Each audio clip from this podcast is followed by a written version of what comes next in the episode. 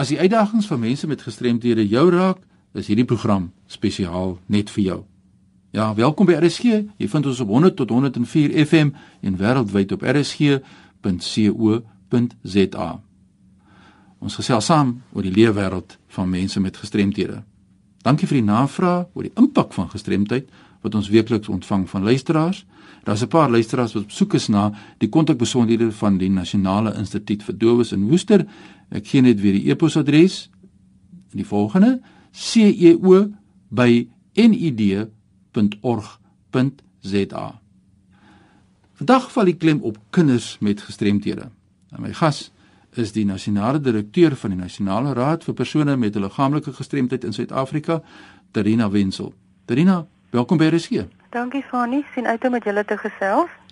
Terina, wat is die stand van kinders met gestremthede in Suid-Afrika en van hoeveel kinders praat ons? Fani, weet jy, ehm um, ek dink dit is dis heel algemene kennis dat die statistiek maar baie onbetroubaar is, maar ons werk tog maar met die statistiek wat sê 13% van enige gegeewe gemeenskap in Suid-Afrika is persone met gestremdheid en dan tussen 6 en 7% van van daai syfer is dan nou persone wat wat kinders is wat onder die ouderdom van 18 jaar is. As jy mens kyk na Suid-Afrika, kom die mense met statistieke en omstandighede van een land na die ander. Hoe lyk die situasie as jy Suid-Afrika met die res van die wêreld vergelyk? Van weet jy baie nogal verander die laaste sal, sal ons sê 20, 30 jaar in Suid-Afrika. Ons mediese tegnologie en mediese dienste het so verbeter en ook gesondheidsorg oor die algemeen dat baie meer kinders oorleef as wat oorleef het jare terug. So met ander woorde ons het baie meer kinders met gestremdheid soos wat die tyd aanstap. En dis nie noodwendig 'n negatiewe ding nie want dit is nie noodwendige indikasie van meer ongelukke of onverskilligheid nie. Dis eintlik 'n aanduiding dat daar kinders is wat actually oorleef en wat baie van hulle baie baie baie goeie lewenskwaliteit het. Maar natuurlik gee dit 'n uitdaging vir die ouens wat wat die beplanning doen vir dienste van kinders. En ons moet baie meer inklusief kyk na hoe ons begrotings kan ek wil amper sê beïnvloed sodat daar regtig beter delivery is want op die stadium is gaan dit maar 'n bietjie beroerd wat wat um, dit aanbetref veral as ons kyk na spesifiek sosiale ontwikkeling, onderwys en ook gesondheid. Ja nou dit maak natuurlik ook die rol wat die nasionale raad speel groter en wat doen julle in die praktyk? Van weet jy wat ons in praktyk doen? Ons probeer regtig om die dienste wat ons lewer amper wil ek sê te kategoriseer sodat ons meer gefokus kan wees.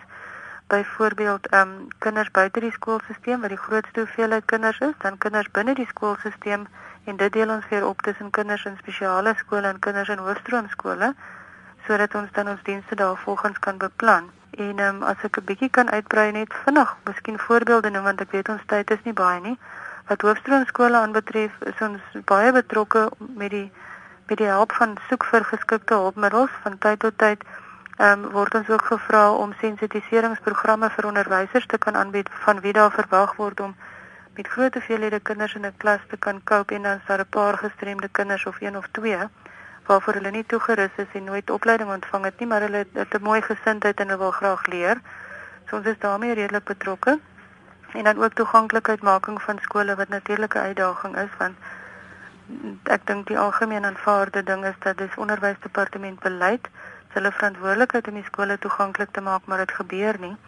En dan kom dit af op die governing body van die skool wat nie noodwendig altyd die geld het nie. So op, op die ou end is dit baie keer die ouer saam met 'n NGO wat fondsinsameling moet doen sodat 'n kind gehoofstroom kan word.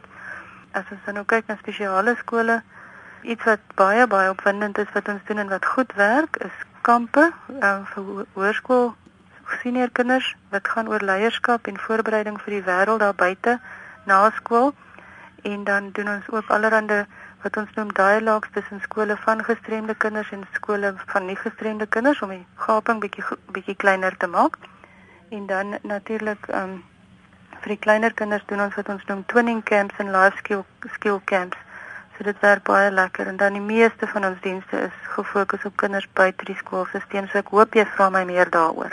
Ja, ons wil graag daarby uitkom want dit bring my by die die wetgewing. Ondersteun die wetgewing kinders werklik en wat is dan die situasie met kinders wat buite hierdie stelsels funksioneer? Van weet jy ag ek dink almal sal kan onthou daar was hierdie slogan paar jaar terug wat gesê het education for all by the year 2000. Nou jy weet self ons is baie ver van die jaar 2000 af nou al. En daar's definitief nog nie education for all nie. Die meerderheid van kinders met gestremdheid is buite die skoolstelsel weens 'n verskeidenheid van faktore. Ehm um, dat ek dink nie ons miskien vandag alles oor kan praat nie, maar wat ons dan nou spesifiek doen om by die wetgewing uit te kom, Ons is besig met 'n navorsingsprojek wat nou al oor 'n geruime tydjie strek, maar daar's sulke interessanthede wat wat gebeur het en soveel mense het by ons aangesluit met die navorsing dat ons besluit het om dit nog 6 maande langer te te maak die projek. Ehm um, en dit gaan baie goed. Ons het 'n klomp klein sentrumpies van kinders met gestremdheid gemeenskapsentrumpies wat deelneem aan hierdie navorsing en dis landwyd. Party sentrums word genoem child care centers, ander is stimulation centers, ander is active learning centers, ander is community schools. En dit is sentrumpies wat deur die gemeenskap of deur 'n NGO of deur ouers begin is om dan die hele situasie aan te spreek van kinders wat andersins net nêrens in die stelsel is nie. En baie van hierdie sentrums word glad nie deur die staat erken of gesubsidieer nie. Daar is minimumstandaarde waaraan 'n sentrum moet voldoen voordat hulle gesubsidieer kan word maar dit verskil ook ehm um, grootliks van provinsie tot provinsie en baie keer is die kriteria te hoog. Ehm um, en en kan hulle dan nie voldoen nie of daar's bloot ander redes hoekom die departement voel dat hulle nie kan ondersteun nie. Maar hulle vervul tog 'n baie noodsaaklike rol. Byvoorbeeld in die Wes-Kaap um, word hierdie sentrums redelik goed gesubsidieer deur die departement van van ehm um, gesondheid terwyl in ander provinsies is dit meestal die departement van sosiale ontwikkeling en die hoeveelheid subsidies is is ook baie verskillend. In party plekke word die sentrums ondersteun deur feeding schemes van die onderwysdepartement ook ook meestal grootliks in die Wes-Kaap en ander provinsies glad nie. Meeste kinders kry nie doeke by die skool nie, dis ook net in die Wes-Kaap waar hulle doeke kry by die die School of Excellence in die omgewing of die departement gesondheid en so kan ons voortgaan met dienste wat gelewer behoort te word maar wat nie gebeur nie.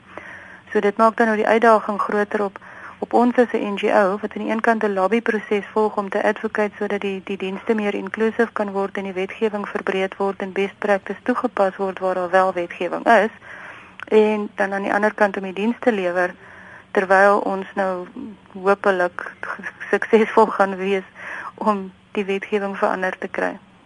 Trina, ja, jy praat nou van doeke en dit bring my by die volgende vraag en dit is die sogenaamde Nappy Run projek. Dis 'n veldhoek wat julle jaarliks het. So is die laaste deelte van ons program het nou aangebreek. So ek wil graag by jou hoor, wat is die Nappy Run projek en oh, wat doen julle daar? Wonderlikste projek. Ek moet sê ek sit nou hierso toevallig vandag terwyl ek 'n onderhoud met jou doen op die stoel van die man wat die koördineerder van die Nappy Run is, Dani Maree. En dis 'n baie groot pragtige kleurvolle plakkaat van die Nappy Run hier langs my. Ehm um, dis 'n projek wat elke jaar die hele Oktober ehm um, loop want dit Oktober is Child Rights Month wat ons gebruik om allerlei bewusmakingsgoed te doen maar onder andere in Oktober maand elke jaar samel ons dan doeke in. Die Suid-Afrikaanse polisie is is aan ons kant. Hulle is ons partners in die projek. Ons kry dan al hierdie doeke uit die lede van die gemeenskap en dit word dan oorhandig aan kindersentrums of individuele kindertjies wat by hulle ouers bly wat doeke nodig het. En elke jaar op die op die 3de November hou ons dan 'n groot nappy run.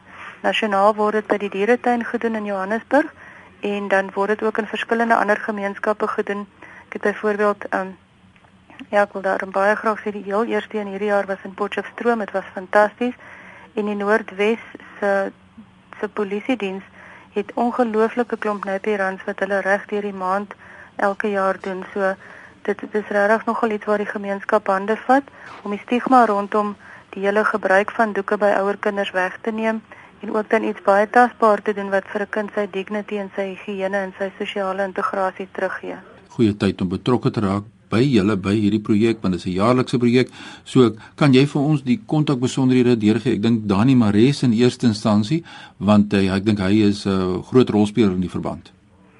Fanie, ek dink die beste gaan wees as almal maar liewer vir my ehm um, na die webwerf toe gaan ons se www.nappyrun.org.za. Dit is 'n baie baie interaktiewe webblad waarop mense enige inligting kan kry en ook kan deelneem self. Maar as iemand dan persoonlik wil wil kontak maak, kan hulle vir my SMS stuur na ehm um, 083 255 6854 083 255 6854 asseblief nie bel nie. Ja. Maar enige SMS boodskap sal ek dadelik na wense hanteer. Fanie, my my raad is net die hele ding van equal opportunities and diversity. If it's if it doesn't include everybody, it's not good enough. If it doesn't include me, it should not happen. Ons is is regtig ten gunste van die feit dat mense met gestremdheid nie as 'n aparte groepie gesien moet word nie, maar as deel van die diversiteit van ons samelewing. So as as almal net daai boodskapie kan omarm, dan gaan dit vir ons almal beter wees. Van die basis gaan dit daaroor dat mense met gestremdheid is deel van die diversiteit van die samelewing. So ons wil hê dat mense nie gestremdheid moet sien as 'n aparte groep mense met 'n aparte subkultuur en in 'n aparte gemeenskap met aparte programme en aparte ingang na 'n plek toe en 'n aparte manier van dinge doen nie, maar as deel van diversiteit. Ja. En dat daar respek moet wees vir diversiteit. Ons het 'n baie mooi, fantastiese diverse samelewing in Suid-Afrika en ons preambel van ons konstitusie doen so 'n pragtige beroep om te sê sluit almal in. Dit is die mening van Tarina Wenzel, sy is die nasionale direkteur van die Nasionale Raad vir persone met liggaamlike gestremthede in Suid-Afrika. Trina bysterkte met die Nappy Run projek. Ek hoop die mense kom na vore en bysterkte ook vir jou en jou familie in die feestyd. Dankie vir onsselfde vir julle ook. Indien jy enige navrae of voorstelle het in hierdie program stuur sommer nou 'n e-pos aan my by fani.dt@mweb.co.za. Jy kan my ook volg op Twitter by fani dreams. Kom ons gesels saam oor die lewe wêreld van die gestremde. Hierdie program word ook woensdaeoggend om 3:15 herhaal. Jy kan dit aflaai natuurlik ook van Potgooi. Volg net die instruksies by RSG se webtuiste www.rsg.co.za. Groetens uit Kaapstad.